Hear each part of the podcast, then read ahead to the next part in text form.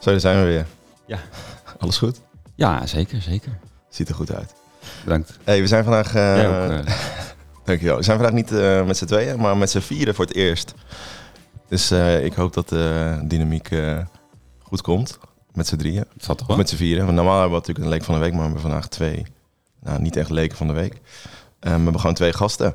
Eh, en dat zijn jullie, eh, Judith en Sophie. Welkom. Hallo, dankjewel. Jullie hebben namelijk een theaterstuk. Dat heet We zullen wel zien waar we terechtkomen. Geschreven over het hoofdpersonage van vandaag.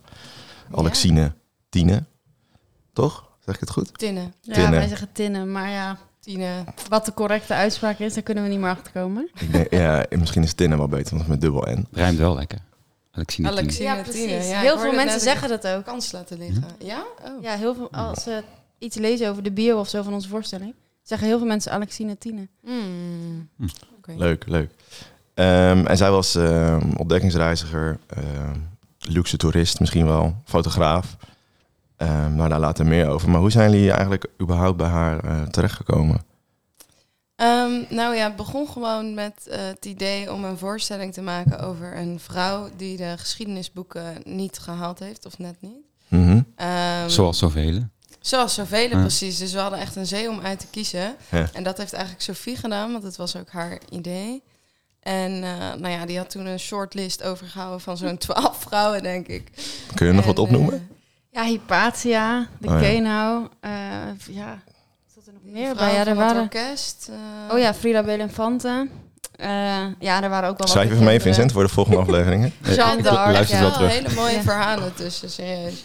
Alleen, ja, Alexine die was gewoon heel... ehm, er zat veel schaduwkanten aan haar verhaal. En als theatermaker vond ik dat natuurlijk meteen interessant.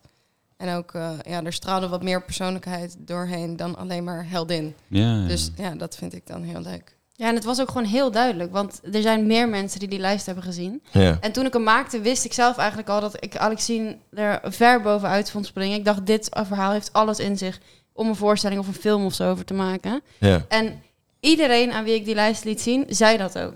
Dus het was ook wel vrij snel besloten van, nou ja, dat moet het dan worden. Leuk hoor, leuk. En ehm, dus toen hadden jullie voor haar gekozen en dan ga je dus een theaterstuk schrijven. Tegelijkertijd studeren jullie ook nog, zei je net, dus het is hartstikke druk. Hoe eh, hebben jullie dan dat onderzoek gedaan? Of hoe, hoe, ga je, hoe ging- gingen jullie dan te werk? Nou, toen we dat onderzoek deden, toen, eh, dat deed ik toen eigenlijk nog alleen. We zijn pas later, zeg maar, echt in het maakproces een duo geworden. Mhm. Eh, ik had eerst gewoon gezegd, ik ga een voorstelling maken. En eh, ja, Judith, wil jij daarin spelen? Nou, jij moet zingen. daarin spelen, eerder. Ja. Eh, en toen heb ik dat onderzoek gedaan. En ja, dat, eh, ik ben gewoon begonnen op internet, zoals eh, alles eh, begint. En toen heb ik... Ja, Alles Nou begint ja. op het internet, de relatie van mijn ouders. Nee, oké. ja, wel toch? Ja, dus toen heb ik eerst gewoon een paar scripties gelezen. Want er zijn natuurlijk wel mensen die over haar hebben geschreven. En toen... Ja, nou ja, ik ben natuurlijk gewoon begonnen op Wikipedia. Maar ja, dan, natuurlijk. dan ga je die links lezen die daaronder staan. En toen op een gegeven moment kwam ik er dus achter dat er heel veel van haar eh, in het Haagse archief ligt. En ze heeft geen dagboek of zo bijgehouden of een logboek op de boot. Maar eh, ze heeft wel brieven geschreven naar de man die haar eh, ja, geld stuurde, zeg maar, vanuit Nederland. Dat was haar neef of oom. Mhm. Ehm, ik weet niet meer precies wat de familieband was, maar het was volgens mij, ik dacht de broer van de vader. En die, eh, nou ja, die schreef ze brieven en de moeder deed dat ook. En veel van die brieven liggen dus in het eh Haagse archief. Dus daar ben ik toen naar gaan kijken. En toen kwam ik erachter dat die brieven in een soort Frans-Nederlands waren geschreven. Ja, je zei het eh, net al. En dat, ja. dat had een, heeft een bepaalde term wat ik niet ken. Ja, Hagua heet dat. Dat spraken chique Haagse mensen. Dat, is dat Haags-Frans? Ja, Haags Hagua. Frans. Hagua. Ja, dus ja, dat was heel moeilijk, maar er was gelukkig... Broodje, een, A- broodje A met leuf. Ja, precies.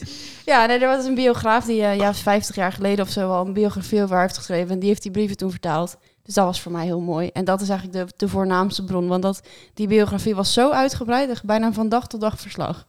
Dus eh, dat was heel handig dat dat er al was. Gaaf. En, eh, ma- maar proberen jullie dan in, je in jullie theaterstuk ook echt ehm, eh, historisch accuraat te zijn? Of is uiteindelijk eh, het theater, hoe zeg je dat? Het, het verhaal wat jullie vertellen belangrijker?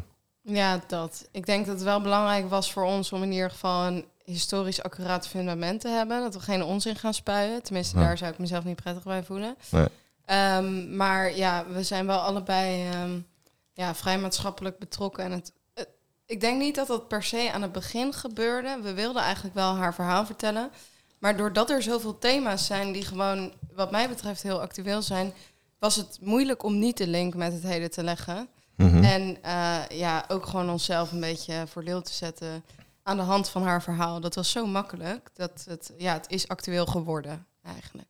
Leuk. En daar later eh, meer, meer over. Mhm. Ehm, voordat we helemaal op haar gaan induiken en wat ze allemaal gedaan heeft en waarom haar verhaal echt heel bijzonder is, ehm, wil ik eerst nog even weten, laten we bij jou beginnen, Vincent. Hoe was jouw historische week, eh, Vincent?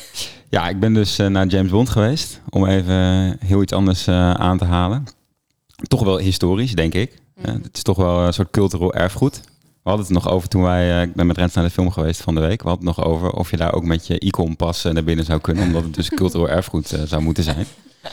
Dat, daar trapten ze niet in, helaas. Eh. Nee, het enige wat we moesten laten zien was de QR. Voor de rest niks.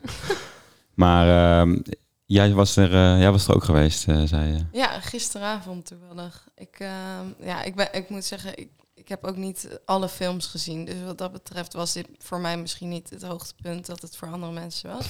Ik vond het heel mooi gemaakt, ehm, maar ik vond het erg lang duren en ik vond het plot ook een beetje weak. Nee, mensen vroegen ook aan mij van hoe was het? Ik zei, ja, voor het plot hoef je, hoef je niet te gaan. Nee. En, daar, en daar ga je ook niet voor, en voor denk de ik. teksten zeker niet. Nee. Teksten ook niet. Het gaat echt om de beelden, Ja. de sp- spektakel. Ja, het was wel echt mooi gefilmd. We gingen in 3D, was, vind ik ook Maar altijd ik een dacht, beetje... ik vond het wel irritant van die vent. Die gaat dan op zo'n missie. Iedereen heeft van die mitrailleurgeweer. En dan doet hij niet eens een kogel weer in het vest. Nou ja, sorry, maar eh, historisch accuraat. eh, de- niemand Nee. overleeft zoiets. Dat Nee. kan gewoon niet. Dat dacht ik ook elke keer, maar goed. Dat is, dat is natuurlijk ook Ja. James Bond. Ik Ja. weet niet, Maar goed, het was al de 25e James Bond film. Echt? Oh, dat Ja. maar. Ik, eh, ik heb, moet eerlijk zeggen, Volgens mij de achtste van Danny O'Greg, die dus nu gestopt Zo, is. acht al, die vent? Ja. Hij is ook al heel oud al. hij is 56 of zo, Ja. 57. En hij heeft gewoon uit, jaren hoor. geleefd voor die films. Ja, Gewoon elke dag. eh, Want hij, was ook, gewoon- hij is ook gewoon co-producer, zag ik staan op de aftiteling. ja dat, Ja, dat zie je wel vaker. Hè, met als zo'n serie bijvoorbeeld lang loopt of dat de sequels zijn, dat die acteurs gewoon een beetje nog extra bij willen verdienen. En dan zijn ze co-producer. Ik weet niet of ze daadwerkelijk dan ook nog heel veel doen. Maar vraag, vraag ik me dan af. Misschien is het een soort constructie om ze nog meer te kunnen bieden. Ja. Maar ehm, het ene laatste wat ik er nog over wil zeggen is dat eh Danny O'Greg dus ook benoemd is tot eh, commander in de Britse marine. eh, voor zijn verdiensten als James Bond, Oh, waar, waarin hij ook commander is. hele maatschappelijke bijdrage. Ja, heel raar. Dus daar, daar loopt hij nu met zo'n marine trui en drie van die strepen erop. En eh, ja, Belachelijk. een soort ja, ook wel ambassadeur heel voor de Brits marine vind is ik hij dit. nu. Ja, Heel Brits. Ja. Toch? Ja.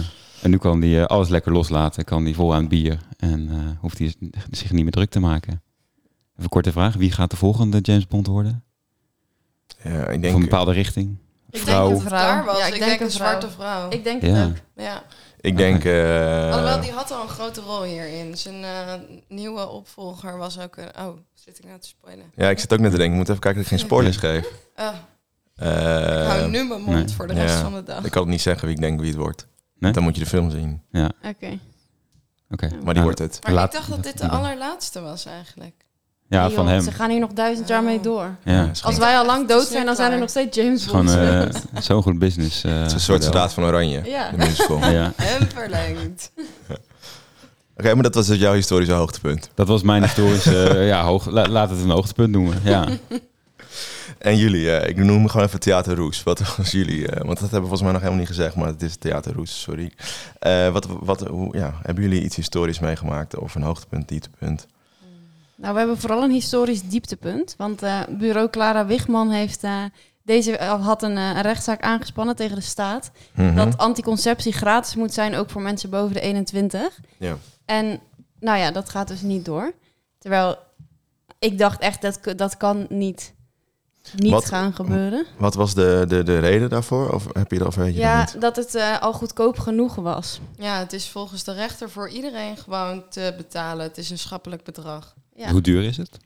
ja dat ligt aan wat je. Wat je hebt, ja. Ja. Volgens mij Ja. kost de pil iets van eh 25 euro per maand of zo. Nee, per jaar. Per jaar. Oh ja. ik had een driefase pil, dus dat is dan veel duurder. Ja, precies. Maar ze zeggen dan dat er... Ze doen dan een paar standaard dingen. Oh ja. En die zijn dan heel goedkoop, zoals bijvoorbeeld de normale pil. Dat ja, is maar wel... ja, daar moet je dan weer tegen kunnen. Ja, Ja. precies. Dus als je dan bijvoorbeeld als je een spiraal wil, dat kost al iets van 70 euro. En dan nog iets van 200 euro om dat ding te laten zetten. Ja. Ja. Dus dat is best wel duur. Zeker Ja. als je Ja. ja, een lager inkomen hebt. Ja, en Ja. ze zeggen dus van er is, er is een goedkope optie, maar ze kijken even niet naar de lijst van bijwerkingen en voor hoeveel mensen dat niet werkt. Dus ja, er zijn nogal veel eh, nadelen aan hun eh, uitspraak. Ja. Ja. en de Dolomina's vechten hier 50 jaar geleden al voor. Dus ik vind Ja. het wel een historisch dieptepunt. Zeker, zeker. Betaal jij, een hele persoonlijke vraag, betaal jij mee aan de anticonceptie van je vriendin? Eh, Indirect vast wel. maar nee, niet eh, direct. Nee. Nee. Oh, ja, ik eh Misschien betaalt het van jullie gezamenlijke een rekening. tikkie voor, nou over. Ja.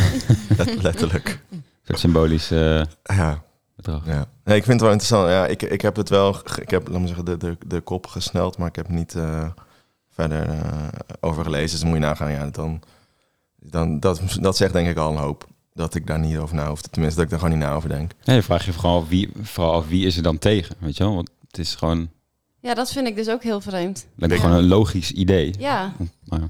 het is ook best wel lang zo geweest. En toen Ja. is het weer afgeschaft. Ja.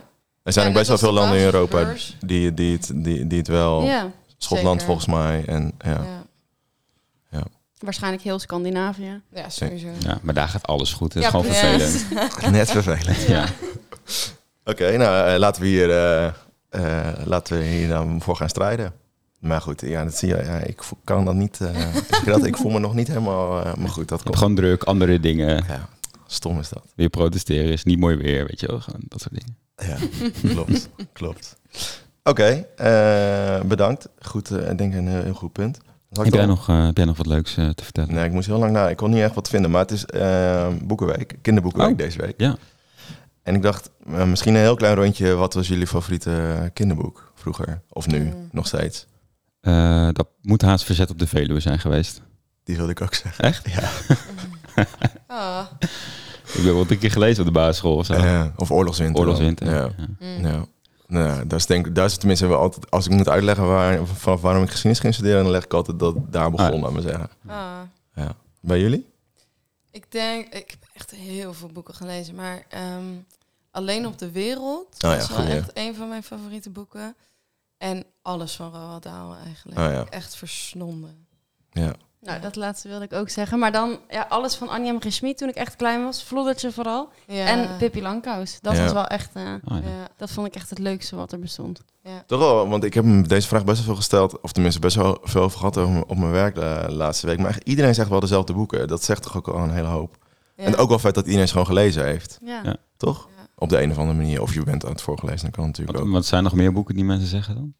Ja, er zijn nu heel veel soort nieuwe boeken, eh, zoals Gorgels van eh Jochem Ah, ja. Maier. Weet je, dat is dan nu helemaal hip, Hm. denk ik. En eh, ja, gewoon zulke dingen. Nou, ik vind het wel opvallend. Mijn, ju- mijn, jus, mijn zus heeft jonge kinderen en die lezen nog steeds dezelfde boeken. Ja, Dus ik heb wel het idee dat de, de piek toch wel bereikt is al eigenlijk. we zitten aan het plafond eh, van, Ja, van de kinderboeken. Dat kan niet beter dan Roald Dahl. Hoorde gisteren nog eh, de schrijver die de prijs had gewonnen, de Wout, Woutje Pieterse prijs. Ja, De kinderboekenweek die daar niet heen ging, omdat, ze, omdat hij vond dat al die schrijvers daar eh, behandeld werden als kinderen. Want ze moesten dan in zo'n leuk klein treintje en dan gingen ze erg allemaal, allemaal kinderlijke dingen doen. Hij vond het gewoon belachelijk. Want ze zeiden, ja, we zijn gewoon schrijvers. En maar aan de andere kant, wij organiseren dan een kinderboekenweek en dan komen daar wel bijvoorbeeld al die schrijvers in een ridderpak gaan, gaan ze voorlezen. Dus Ja. dat is toch... dat is gewoon marketing. Dan Ook- ineens wel. Ja. Oké, laten we snel doorgaan, want anders eh, wordt het een hele lange aflevering.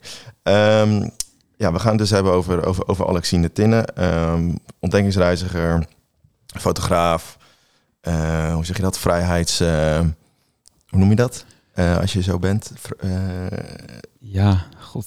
Ik ben even het woord kwijt. Komen we zo wel op. Eh, maar laten we even beginnen bij, gewoon bij haar bi- biogra- biografische gegevens. En eh, ja, dus eh, Sophie eh, en Judith vul gewoon aan als, je, als, wij, als ik iets mis zeg. Mhm. En dan gaan we gewoon een beetje chronologisch langs haar leven. En op het einde dan, eh, dan reflecteren we denk ik vooral aan even aan de hand van jullie eh, theatervoorstelling op, eh, op, op Alexine. Nou, ze is geboren op de Heergracht 17 in Den Haag. Ehm, op 17 oktober 1835. En ze komt uit een welgesteld eh, gezin, want haar vader Frederik Tinne was eigenaar van verschillende suikerplantages in, eh, in West-Indië.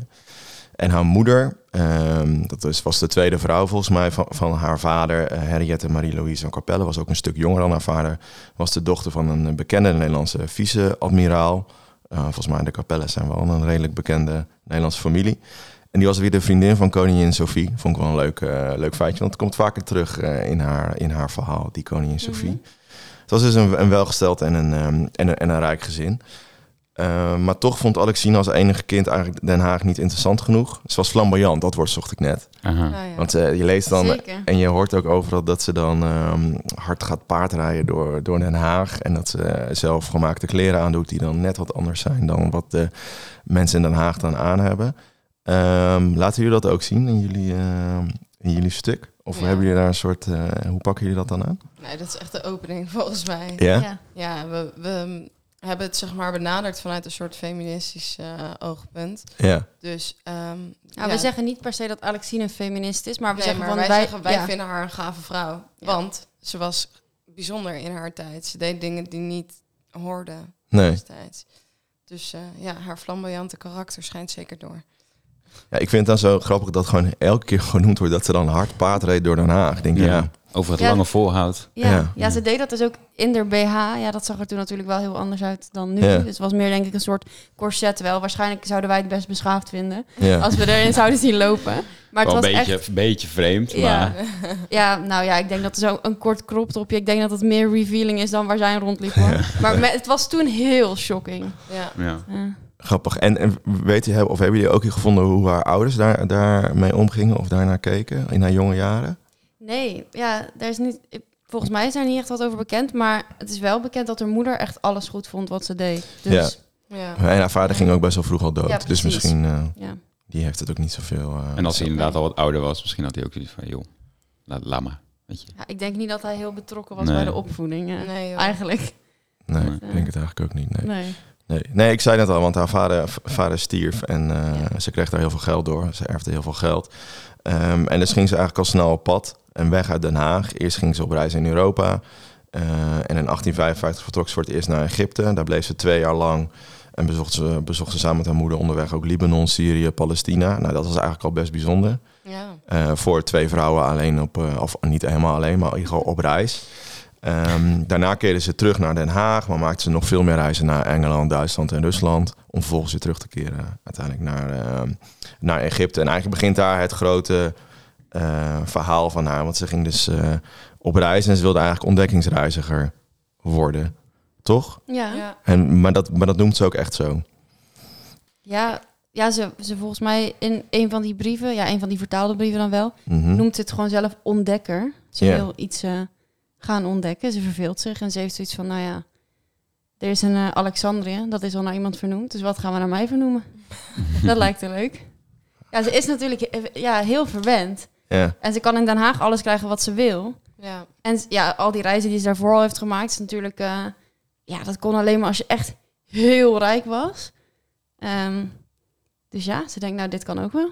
Ja. kan ook wel wat gaan ontdekken. Ja, en ze heeft echt heel veel gereisd, maar toch is ze nog steeds heel wereldvreemd, denk ik. Ja. Want ze Ja. reisde natuurlijk nog steeds in een bubbel met al die mensen eromheen. Ja. Dus ja, ik denk ook Ja. dat ze echt Misschien geen ook een bepaalde beeld had van wat naïviteit of zo. Heel naïef. Van, van ik, ik ga iets ontdekken in Afrika en niet helemaal beseffende van wat, ja, Ja. Nee, nee, nee de gevolgen daarvan zijn. zeker waar. Ze was echt naïef, maar we moeten er wel aan, aan toevoegen dat ze was ook wel heel eh, nieuwsgierig. Dus ze was wel bijvoorbeeld, dan was ze in eh, Egypte en dan ging ze daar wel echt de hele Koran lezen en Arabisch leren. Ze Mm. sprak op een gegeven moment echt tien talen of zo. Ja. Dus ze, was wel, ze had wel een soort van oog voor de omgeving, Ja. maar dan op een hele naïeve manier. Dus ze leerde alleen maar waarvan zij dacht van hier heb ik wat aan. Ja. Maar hoe het met de mensen om haar heen ging, dat was niet echt... eh, Gaat denk ik vaak ook wel hand in hand. Ja. Een soort naïviteit en nieuwsgierigheid. Van andere mensen Ja. zouden misschien gelijk denken van... oh, wat een gedoe, al die talen leren en helemaal daar naartoe. En, Ja, ja, Ja. dus ze was Ja. op een bepaalde manier ook wel intelligent, maar ze Ja. was niet echt empathisch, denk ik. ja, dat is goed verwoord inderdaad. Interessant hoor. Want je leest dan dat ze dan, eh, dat ze dan een soort witte vlek ziet in Centraal-Afrika. En dan denkt ze, daar wil ik naartoe. Ja, Dat is dan echt nog niet, niet, nou, Nee. nog niet ontdekt. Als in, ze, ze, ze, zijn, niet ze in kaart weet, nee, niet in, dat, ja, inderdaad, dankjewel. Het was nog niet in kaart gebracht. Ehm, dus dan in, die, in die jaar, of het eind van de jaren 50, dan is ze dus in Syrië, Palestina en dus weer in Egypte. En dan raakt ze dus, wat jij al zei, helemaal in de band van die Arabische wereld. Ehm, en dan gaat ze samen met haar moeder en haar tante eh, Alexina op reis naar eh Cairo. En dan eh, logeren ze in het hele dure Shepherd's Hotel. Waar ze de andere westerse avonturiers en ontdekkingsreizigers ontmoeten. Maar dus allemaal ook met heel veel geld. En hier kwam ze dus eigenlijk op dat idee om, om echt die expeditie te ondernemen naar Centraal-Afrika. En haar moeder sprak ook niet tegen. Ze zei, nou, dan gaan we lekker met z'n tweeën. En haar tante bleef dan wel achter, want die vond het echt helemaal niks. Er zijn ook hele mooie citaten van. Die zal ik zo nog even, zal ik zo nog even Ja, laten horen. Ehm, en dan huren ze dus in 1861 gaan, willen ze dan op pad of op richting Sudan. En dan huren de vrouwen een eh Petit Palais. In Cairo lees je dan overal. Eh, en dan gaan ze bereiden zich daarvoor op die reis naar, eh, naar Sudan. En de bestemming was Khartoum. 3000 kilometer ten zuiden van Cairo. En dat is gewoon de hoofdstad. Ik heb daar, had daar nog nooit van gehoord. Jullie? Nee, hiervoor ook niet. Nee. Dat is dus de hoofdstad van Sudan. Ja. Weet jij dat? Ja, ja jij was altijd heel goed daarin, hè? Ja. Getverderi. ja, Sudan is tegenwoordig ook twee landen. hè? Ja, klopt. In haar tijd nog niet. Nee. Dat had nee. ze kunnen ontdekken. Ja. Ja. dat, het, dat er twee landen waren. Ja. ja. Het, is, het is een soort van een grens. eh, Ja. ja. In 1862 vertrekt ze dan met haar moeder en dan met drie boten. En dat vind ik dan interessant. Dan lees je dus hele tijd over hoeveel dingen ze bij zich had. En er zijn een beetje twee versies van, kom ik elke keer tegen. Ehm, in de ene versie lees je dan dat ze met drie boten gaat. 120, 150 bediende soldaten, 532 kisten vol meubels, schilderijen, boeken, spiegels. En allemaal uit hun Haagse huis. Maar in andere versie lees je ook dat ze niet 150, maar zelfs zo'n 750 bedienden mee had. Waarvan er een soort van 12 mensen waren die haar dan moesten dragen. En dan konden ze afwisselen. En ze hadden bijvoorbeeld een staal. Ze had haar eigen stalen bed meegenomen. Ja. Dus zodat ze kon slapen in de, in de jungle, in dat bed. Ehm, en dat vind ik, ja, dat is wel, wel grappig. Maar hoe, wat, ja, hoe hebben jullie dit, eh, komt, hoe komt dit terug in jullie stukken? Jullie hebben niet helemaal, denk ik, een podium vol met spullen. Nee. Nee, Nee. in dat liedje hoorde je het net Ja, in het begin van het Ja. liedje zei je die 100 kamelen. Ja. Ja. Ja, dat, ja, en dat liedje kon het eigenlijk terug. eh, ja, alleen met. Ja, dat gaat Alleen over met de absurditeit. boden, eh, de voedselbewakers, de timmerlui, zeilers en kledingmakers, de kamermeisjes. Nou ja, echt ja. wat ze allemaal mee had, joh, kledingmakers. Wat moet je daarmee op reis? Maar ja, dat zat het allemaal. Wat een optocht moet dat zijn geweest Ja. langs die Nijl. Dat, echt- Ja, ja, dat en dat ze, langs zag komen, zo'n karavaan van... ja, dat moet echt Bizar. bizar geweest zijn. Ja. Zou je dan gedacht hebben, oh, dat, dat is een ontdekkingsreiziger? Nou, Ik denk niet dat mensen überhaupt Nee, nadenken want over het- wat zij komt doen. gewoon niet- je bent niet te gewoon in de beseffen. war. Ja. ja. het was krankzinnig, want het was echt. Ja, wij- wij weten dus ook niet of het 150 of Nee. 750 mensen waren. Maar, dat is, het is allebei veel. Het maakt niet uit, want het Nee. is sowieso absurd. Dus Ja. dat absurde, dat zit wel in de voorstelling. Ja. Ehm, maar ja, als me, dit was gewoon een soort stad. Het Ja. was echt een bewegende stad die zij mee hadden. Ja. Toen ze ook de Sahara wilden gaan oversteken, toen waren daar letterlijk geen kamelen meer over voor andere ontdekkingsreizigers. Zij hadden Ja. alle kamelen gehuurd of gekocht. Ik weet niet hoe dat ging. Volgens mij huurden ze die een soort van. Ja, er was, gewoon- er was Volgens gewoon geen dier meer ze over. ze en dan verkochten ze ze weer door als ze ze niet meer Oh ja. nodig hadden. Ja, want ze hadden ook vijf kamelen nodig voor haar vijf honden. Want die mochten niet. eh, Ja, nee, die die, moesten die aan de mochten geen zand, eh, zand Ja. krijgen in hun pootjes. Ja. Ja, dat lees je dan ook overal. Maar haar tante bleef dus achter en die schreef dus dan het volgende: dat het erg jammer was dat Aline niet een wat redelijker smaak heeft. En dat ze haar geld wegsmijt op een dergelijk belachelijke, nutteloze wijze. Terwijl er zoveel mooie landen zijn, brengt ze ons naar deze vreselijke plek. dus ze geeft gewoon al het geld uit aan die. Ja, het is, ze neemt gewoon letterlijk haar hele huishouden mee op reis. Op het moment, Ja. ik, ik weet niet zo goed wat daar het idee achter was, maar ik heb wel eens eerder, of tenminste wel eens eerder, ehm, een, een paper geschreven over Delila. Dat was een vrouw rond een beetje iets later, rond 1900, die in haar eentje op reis ging met de trein door Indonesië. Dat was eigenlijk hetzelfde gedoetje, ook dat ze veel te veel meenam en dat ze dus ook heel veel bediendes had. Ehm, die was ook heel rijk, maar dat, ik, ja, kun je dat gewoon niet voorstellen, toch? Waarom zou je dat allemaal meenemen? Maar Ja. ja, Ja, bij, bij, bij, Alex, bij Alexine heb ik wel eh, een soort van het idee dat zij heel erg de- erin zat van eh, het kan me allemaal niet schelen en ik leef zeg maar gewoon. Ik, ik neem gewoon mijn hele eh, huisraad mee en Ja. dit is nu mijn, mijn hele leven. Het is niet zo dat ik hier iets ga ontdekken om uiteindelijk weer terug te gaan om dat Nee. te, te vertellen of daarmee te, te eer te strijken. Of, en dat, dat merk je later in het verhaal natuurlijk ook wel een beetje hoe zij in het, in het leven stond. Ja. En, Ja. en, en ze- ik denk ook dat zeg maar, zij is opgegroeid met zoveel mensen om zich heen. Ik denk dat het niet in haar hoofd op zou komen Mhm. dat die mensen niet mee zouden gaan. Ja, want Dat hoe hoort doe je gewoon dat bij dan? je leven. ja. ja, goed punt. Ja. Ja, en Maar- ze was sowieso super onpraktisch. Ze moest ook elke dag uitslapen. Ja, ja, want dat, dat wilde ik Oh ja. net zeggen Ja. inderdaad. Want ze, was dus niet, ze ging niet alleen op reis met haar moeder en met, met haar hele caravan. Want ze ging wel mee met een Duitse zooloog van Heugling en Ja. een Duitse arts Steutner. En die we waren inderdaad gewoon helemaal niet tevreden. Want ze moesten uitslapen elke ochtend. Dus ze konden niet vroeg op pad. Die twee, eh, die twee Ja. echte ontdekkingsreizigers. Die, Ja. zeggen, voor de wetenschap. Die waren op zoek naar vogels. Nou, die zie je niet meer na, eh, na een bepaald uur van de dag. Nee. Nee, en Nee. ze, ze hadden ook het- heel veel nutteloze mensen mee, maar niemand die goed het weer kon voorspellen. Dus je denkt, het is daar constant niet normaal heet. Maar zij waren in de Sahara en het regende daar gewoon constant. Omdat ze gewoon niemand bij hadden die dat fatsoenlijk kon voorspellen. dat, ja, Interessant, heel interessant. Ehm, hey, zullen we even ehm, ehm, eh, eens naar de quiz en dan straks even kijken hoe het einde van haar reislust eh, aanbreekt, laat maar zeggen. Ja. Eh, maar denk nu eerst tijd voor de, voor de quiz. Yes, tijd voor de quiz. Het staat eh, officieel 6-6 en dan 5 voor de gasten slash luisteraars. Ik probeer er altijd een beetje bij te houden. En eigenlijk Oh. is altijd wel iemand die, die het weet. Dus die, als wij het niet weten, dan hebben de luisteraars altijd een punt. Ja. Ehm, Ga- hoe, hoe gaan we dat doen met die, eh, met die wisselbeker eigenlijk? Gaat hij dan dan gaat hij naar mij. Gewoon. als de gasten winnen? Als, ja, Oké, als gast. dat is duidelijk. Dat is duidelijk. Ehm Theaterroes, willen jullie als eerste of eh, willen jullie even kijken hoe wij het doen? Ehm, nou, maakt me echt niet uit. Je moet sowieso nog antwoord geven op de vragen van de vorige keer. Dat ga ik nu eerst doen. Eh, want ik krijg namelijk de vraag welke organisatie probeerde in China een regering te vormen na de overgangsperiode waarin de generaal Huan Shikai aan de macht kwam. Nou, ik had geen idee en nog steeds niet, maar het was de Kuomintang. Jij ooit van gehoord, Vincent? Eh, wel eens van gehoord, maar eh, ja, niet, ligt niet helemaal in mijn parate eh, kennisgebied. Nee, en jij had ook een vraag over China. Grappig, een soort China-editie. De boksenopstand mislukte. Wat waren de gevolgen voor de Chinese overheid? Ja, was net te dun, hè, mijn antwoord, geloof ik. Nou, ik, nu dacht ik, nou, volgens mij had je het wel goed. Maar het keizerrijk verslapte. Er kwam meer zeggenschap voor de westerse landen in China. Ze moesten herstelbetalingen betalen aan de westerse landen, waardoor er enorme schaamte was. En dat leidde uiteindelijk tot de Chinese revolutie. Zo staat het in het boek. Ja. En dat houden we aan. Ja, nee, dat, eh, je- op een gegeven moment je moet ook... eh, de, de scheidsrechter heeft altijd gelijk. Het boek heeft altijd gelijk. Wisten jullie dit? nee, Nee. Gelukkig. zeker niet. Ehm, nou, wie wilde als eerst? Nou, doen jullie het maar even voor. Nou, jij als eerst dan? Ja, doe maar. Zeg maar stop. Oh, we mogen niet eens samenwerken. Ja, jullie mogen gewoon samen. Oh, gelukkig, oké. Jullie met z'n tweeën wel. Want je, Thank God. Zonder zelf ben ik niks. zeg maar stop. Stop. Oh, ik zie het al. Ik zie het al. Hoofdstuk 5, 1400, 1599. Een vraag tussen de 1 en 6. Perfect. Eh, doe maar vijf. Ik denk dat we deze al een keer hebben gehad. In, wat was de bijnaam van de 15e eeuwse Portugese prins Hendrik... die ontdekkingsreizigen langs de Afrikaanse westkust financieel ondersteunde? Ik weet het ja, wel die zeker. hebben we wel een keer gehad. Eh, dan doen we vraag 6. Veel markeren. of- Ja, Wat was het antwoord ook weer? Hendrik de de veroveraar. zeevaarder of zo. Zeevaarder, ja. Waar of niet waar? Litouwen werd pas in 1413 gekerstend. Litouwen. Ja. Joh. ja, dat kan net zo goed wel als niet zijn. Ja. Ja, maar ik zou zeggen, dus pas in 1431. Ehm 1413. 1413. Eh, Oh, dan is het. Eh, nee, dan, nee, niet, dat is niet waar. Dat, is wel, het moet eerder geweest zijn. Nee, het is waar.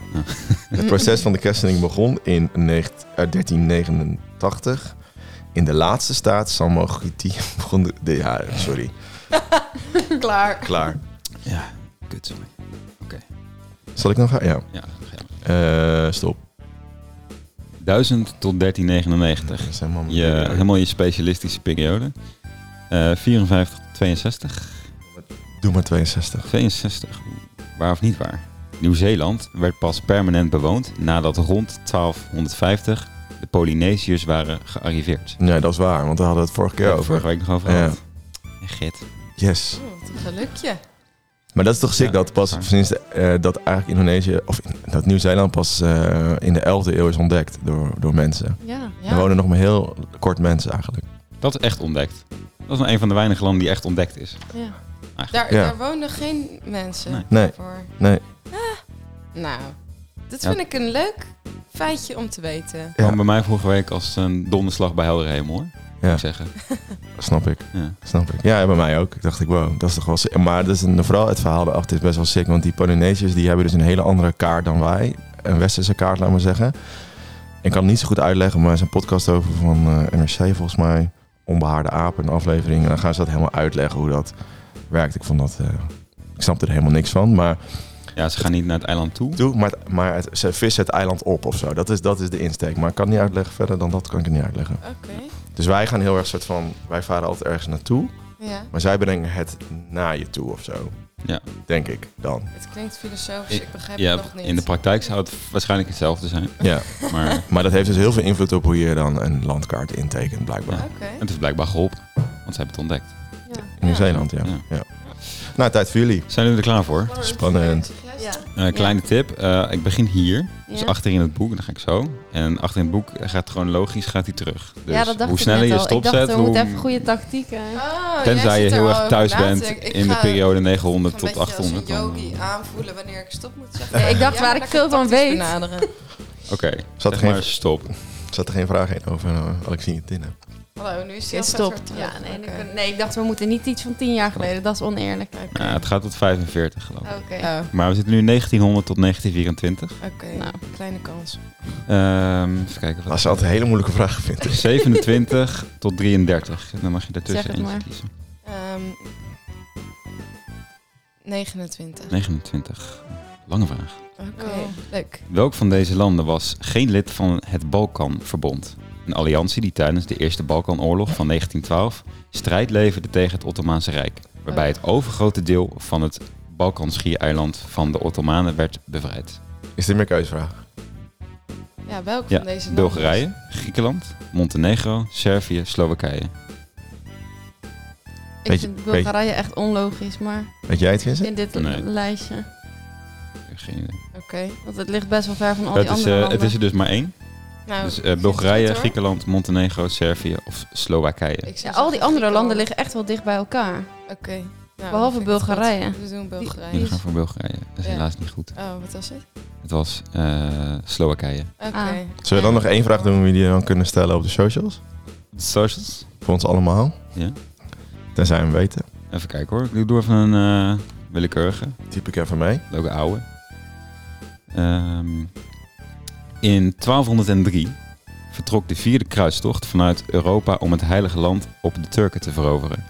In plaats daarvan verlegden de kruisridders onderweg hun route en plunderden ze welke christelijke stad?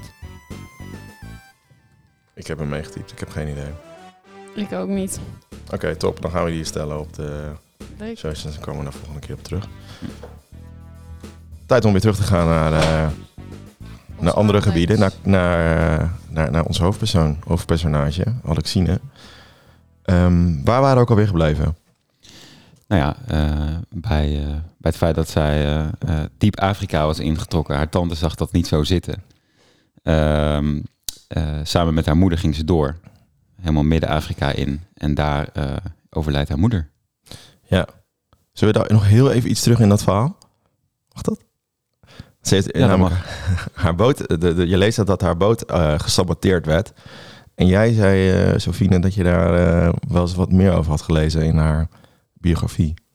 Ja, het heeft de voorstelling niet gehaald, want er was zoveel dat we een keuze moesten maken. Maar ik heb er inderdaad wel over gelezen. Ja, ze, was dus, eh, ze leerde dus heel veel andere ontdekkingsreizigers kennen, want ze was natuurlijk niet de enige die dat daar wilde gaan ontdekken. Eh, ja, en die, daar waren natuurlijk goede bij, eh, maar ook minder goede. Eh, en er waren ook, ja, er was een, eh, een soort slavendrijver. Eh, en ja, dat was volgens mij ook een sultan of een, ja, een, een, een vorst in elk geval. Ja, een rijke En- man. Een rijke man. Ja. En die, die had heel veel macht over Alexine op een of andere manier. En die, ja, die had gewoon een hele belangrijke haven daar. En vanuit die haven wilden zij dus gaan vertrekken. Want ja, ze waren meestal niet heel goed voorbereid. Dus ze hadden niet ook even nagevraagd of dat een goed idee was. En dat was het dus niet, want hij saboteerde dus die vloot constant. Dus elke keer als er één boot gemaakt werd, was er weer een ander lek. En ja, het duurde heel lang voor Alexine erachter kwam dat ze gesaboteerd werd. Want zij ja, was toch wel positief gestemd of zo. Ja, Ja. naïef. Ze, ze dacht, nou ja, dat kan gebeuren. En dan ging ze dat weer laten maken. En zelf lag ze dan waarschijnlijk te chillen in de zon of zo. Ja, toch geld genoeg. Ja, dus Ja. ja. Ja, die boten die werden flink gesaboteerd. Ja, en die had ze wel echt nodig, want ze wilde eigenlijk die hele Nijl zo afvaren richting, richting Sudan. Dus ze had echt die boten nodig. En daardoor eh, had ze dus enorm veel, eh, veel vertraging. Ja, en ze was ook de enige daar met stoomboten. Ja. Eh, ze had ook zeilboten, maar ze had ook stoomboten. En niemand anders had die. Dus die waren gewoon heel gewild. Want zij, in theorie zou zij dus het snelst daar moeten komen. In de praktijk viel het heel erg tegen. Want die stoomboten, die waren hoe dan, sowieso constant kapot. En Ja, ja, zeilen ging veel sneller. Ja. Ja. Maar ja, het was niet zo gaaf. Nee, dus, je- dus, dus ja, wat we al zeiden, zoveel spullen mee, stoomboten. Dus, het was, dus het trok wel wat veel bekijks. En ik denk ook wel wat jaloerse ehm, blikken. Maar Vincent zei net al, want tijdens die reis uiteindelijk naar Sudan... eh strandde Alexine en haar moeder eh, in een kamp van, ehm, van, van die slavenhandelaar... waar je het net ook over had. En daar kreeg haar moeder Henriette cholera in eh dysterie en eh, sterft ze. Evenals de twee kamen- kameniers, ka- kameniers, dus gewoon kamermeisjes, eh Anne en Floor. Ik dacht nog, wow, stel je voor je bent een kamermeisje en die vrouw en waarvan je kamermeisje bent zegt, nou, we gaan naar We gaan Sudan. op reis. En jij, en jij moet mee. Ze, nou, ze hadden wel allemaal keuze. Oh, dat wel. Tenminste, volgens eh, de, de brieven wel, ja. Dat die, eh, Ja, Die maar ja, hun die andere keuze was dat ze geen werk hadden en honger hadden. Nee, ja. Ja. Dus dat is weer zo'n mooie idealistische opvatting van haar. ja. Eh, maar die overleden dus. En eh, Alexine keerde terug naar Khartoum met drie eh, lijkkisten. En tegelijk, of eigenlijk in diezelfde periode overleed ook nog haar tante die nog in Cairo was. Ehm, dus ze, bleef een beetje achter. En na die dood van die, al die mensen om haar heen... lees je dan eigenlijk dat ze in een soort van... depressie eh, raakte. En want door haar reislust waren al haar geliefden overleden. Tegelijkertijd was het een enorme beproeving om terug te keren naar eh Cairo. Eh, en ze wilde ook weer niet meer terug naar Europa. En dan lees je dat ze zich eh gesluierd, hoe zeg je dat, voortleeft in Cairo. Dat niemand haar herkent als, als Europeaan. En dan huurt ze een stoomjacht. en dan gaat ze over de Middellandse Zee per schip dus naar Toulon en uiteindelijk naar Algiers. En ehm, daar eigenlijk huurt ze een huis en dan raakt ze helemaal in de ban van de... Ik zou het waarschijnlijk verkeerd uitspreken. Tuaregs. Ja, Yes. soms spreken wij het ook uit. Ja, ja, ik vind dat een beetje lastig. En hier doen allerlei wild romantische verhalen uiteindelijk de ronde. Want daar begint eigenlijk echt het einde van haar reislust. Eh, want ze gaat op zoek naar deze. Ze wil eigenlijk op zoek gaan naar deze Tuaregs in de, in de, in de woestijn. En dan midden in de Libische woestijn. Dus ze gaat dan in een eentje, eigenlijk ja, niet in haar eentje, maar in ieder geval weer zonder haar ouders of zonder haar moeder en haar eh kamermeisjes. eh, eigenlijk weer op reis in, naar, naar de Libische woestijn. Eh, richting die, ehm, die, die Tuaregs, dat is een Berberse eh, stam. Ehm, en die, indruk, of die ervaring maakte enorm veel indruk op haar. Want ze schreef erover. Als zij zo in volle glorie naar Europa zouden komen, ben ik er zeker van dat het hart van menig meisje sneller zou slaan voor de knappe Tuaregs, barbaren als zij zijn. En menig jongeling zou zich met, bij hen willen aansluiten. Dus ze bouwt ook een enorme fascinatie op voor deze eh, stam. Eh, maar dat blijkt uiteindelijk ook haar noodlot eh, in, te, in te luiden. Ja. Hoe, hoe, eh, hoe hebben jullie dit? eh, hoe komt dit terug? Nou, ik denk wat sowieso wel leuk is om te vertellen... is dat ze ook fotograaf was. Een van Ja. de eerste goede fotografen van, van Nederland. En ze wilde dus ook heel graag eh, ja, land ontdekken... maar ze wilde dus ook heel graag stammen zien... waar nog geen beeldmateriaal van was. En die wilde zij dan vastleggen.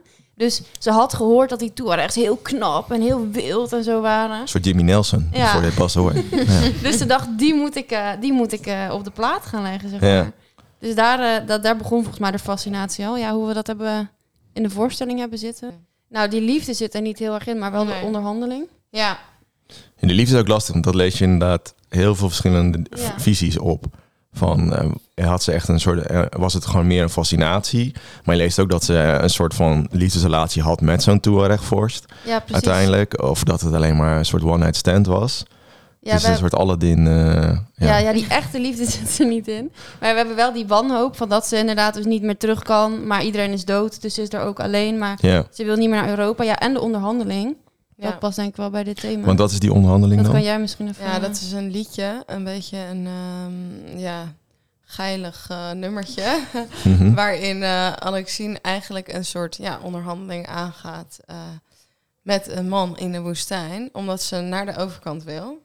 Ehm, maar ja, dat gebied is van hem. Ja. Dus eh, ja, ze gaat eigenlijk haar lijf inzetten en haar charme om eh, hem zover te krijgen om eh, aan de overkant te komen.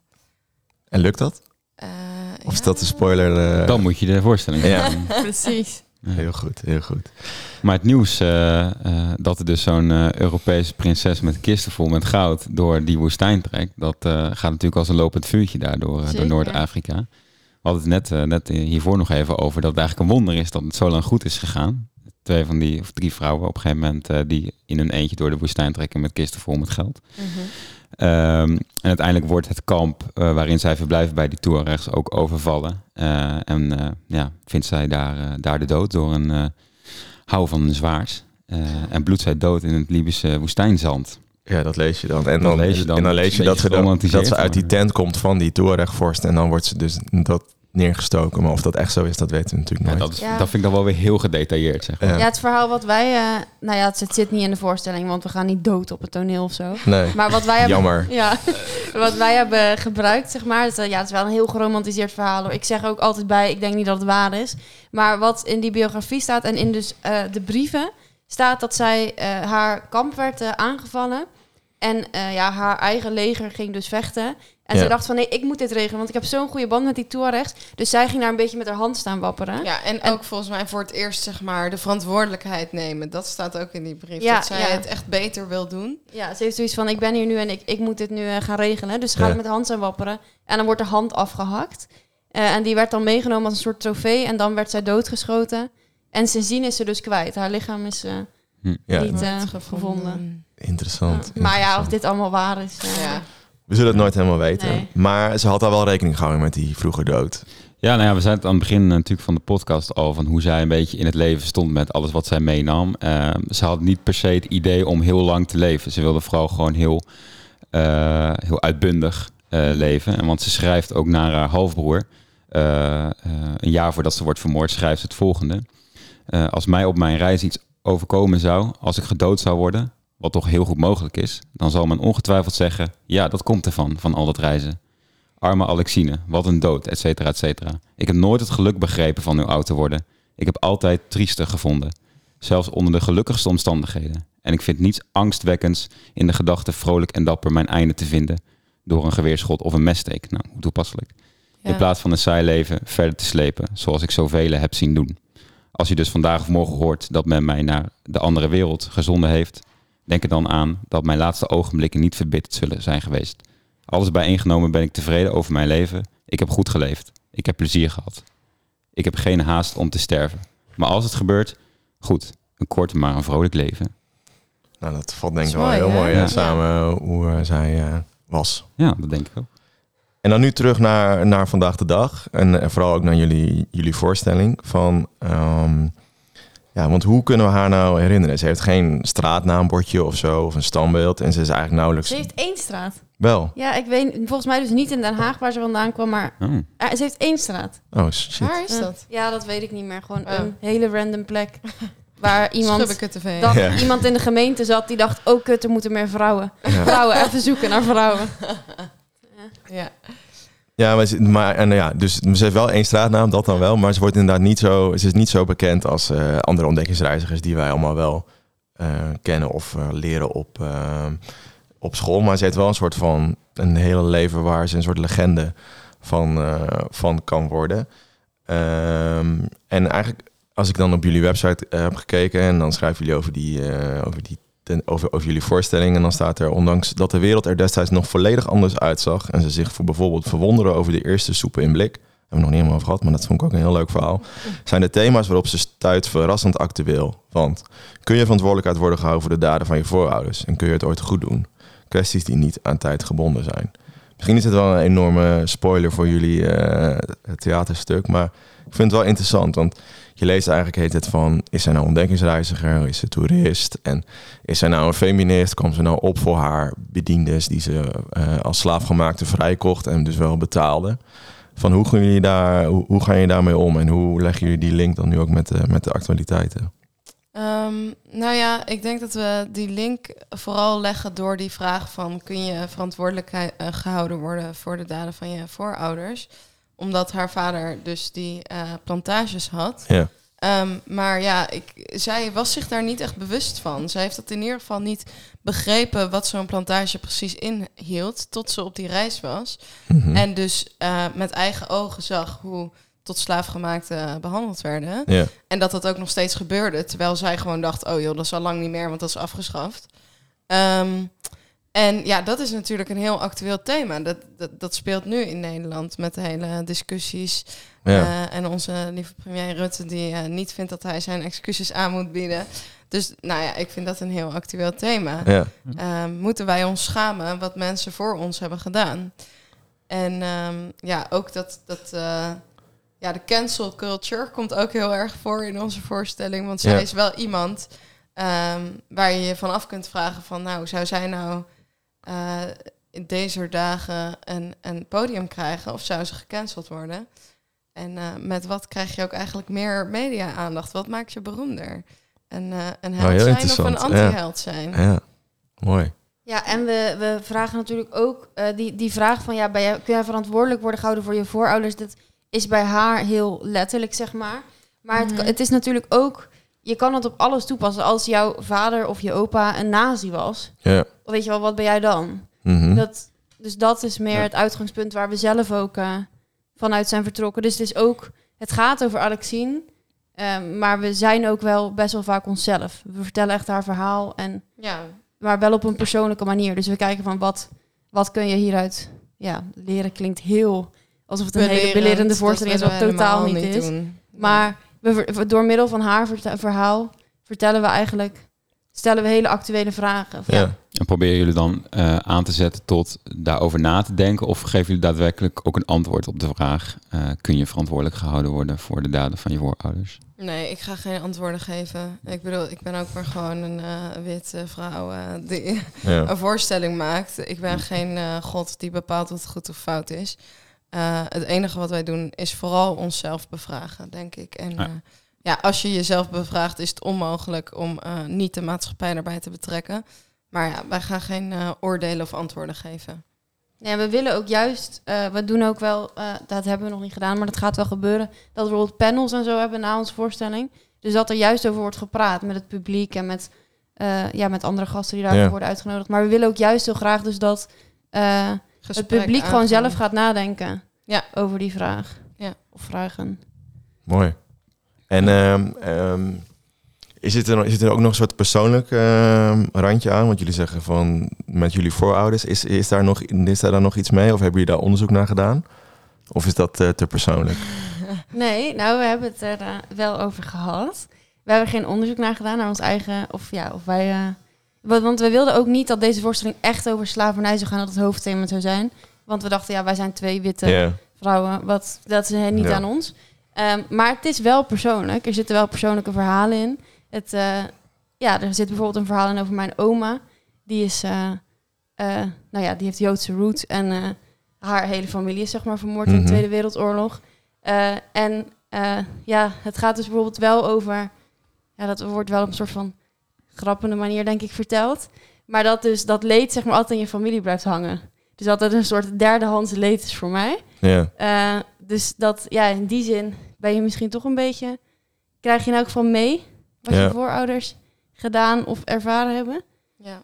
Maar je bent het niet per se. Dus ja, het is wel ook persoonlijk. Maar misschien gaat het inderdaad niet om, kun je, eh, gaat het om het aanbieden van die excuses zelf? Ben je verantwoordelijk, maar misschien meer van de mensen waar je het aanbiedt, eh, hebben die daar wat aan? Misschien Ja. dat dat ook wel eh, iets is wat, wat mensen missen. En als je inderdaad al een voorbeeld geeft van, nou ja, dat leed wordt een beetje overgedragen. Dat heb je natuurlijk bij, Mhm. zoals bij slavernij ook. Precies. Ja, Als het ja. al zou helpen voor die mensen, ja. Ja, Ja. precies. Ja. Ja. Ik zou ook niet weten waarom je geen excuses zou maken. Maar goed, dat Nee, is... dat eh, is weer een Nee. nieuwe Nee. Maar het belangrijkste is volgens mij inderdaad wat jullie ook zeggen. Dat je het gewoon het gesprek erover hebt. Ja. En dat is juist het goede. Dennis denkt dit een hele Ja. mooie manier om ook die vragen te stellen. Ja, En en, dus ik ook- denk dat die voorstelling ook persoonlijk is doordat we kwetsbaar zijn en juist zeggen van wij weten het ook niet. We zijn Ja. ook maar zoekende. Dat is denk ik voor mij het persoonlijkste. Ja, ja, ja. En waar eh, kunnen we jullie allemaal zien? Of hoe kunnen, wat kunnen we, hoe kunnen we jullie bekijken? Nou, heel Nederland kun je ons bekijken. We hebben op eh roesspeelt.nl onze eh, eh, eh, speellijst staan. En ja, we zijn echt eh, overal. ja, ik kan wel even vertellen waar we 40 deze shows. maand zijn. Ja, doe dat. We zijn Dat in leuk. oktober nog in eh, Nijmegen. eh, Amsterdam. Groningen. Groningen. Leeuwarden. Leeuwarden. Amersfoort en Dwingelderveld. Leuk. Nou, en 9 november staan jullie in Utrecht in de Cargador. Ja, Yes. be there. Or Square. Ik had hem al in onze podcastagenda gezet, dus wij eh, Oh, Nou, leuk. gaan, laten we er naartoe gaan. Ja. Ehm, kunnen we nog een soort eh, conclusie maken over, haar, over, over Alexine? Ehm, van, is zij nou een ontdekkingsreiziger, een fotograaf, een flamboyante vrouw, vrijheids... Of, eh, of gewoon een toerist? Of ho- hoeft dat helemaal niet? Ik vind het, dat is Eh, de vraag dat ik. die, die heel vaak laat me zeggen, wordt gesteld bij haar leven. Maar ik denk, ja, is die, is die ook zo belangrijk? Ja, misschien niet. Nee. Ik denk dat haar ambitie belangrijk is. En wat ze uiteindelijk heeft gedaan, niet. Nee. Ik denk dat zij in haar macht, met haar naïeve brein, echt goede intenties heeft gehad en echt iets wilde ontdekken. Maar ja, de wereld is een eh, teleurstellende plek.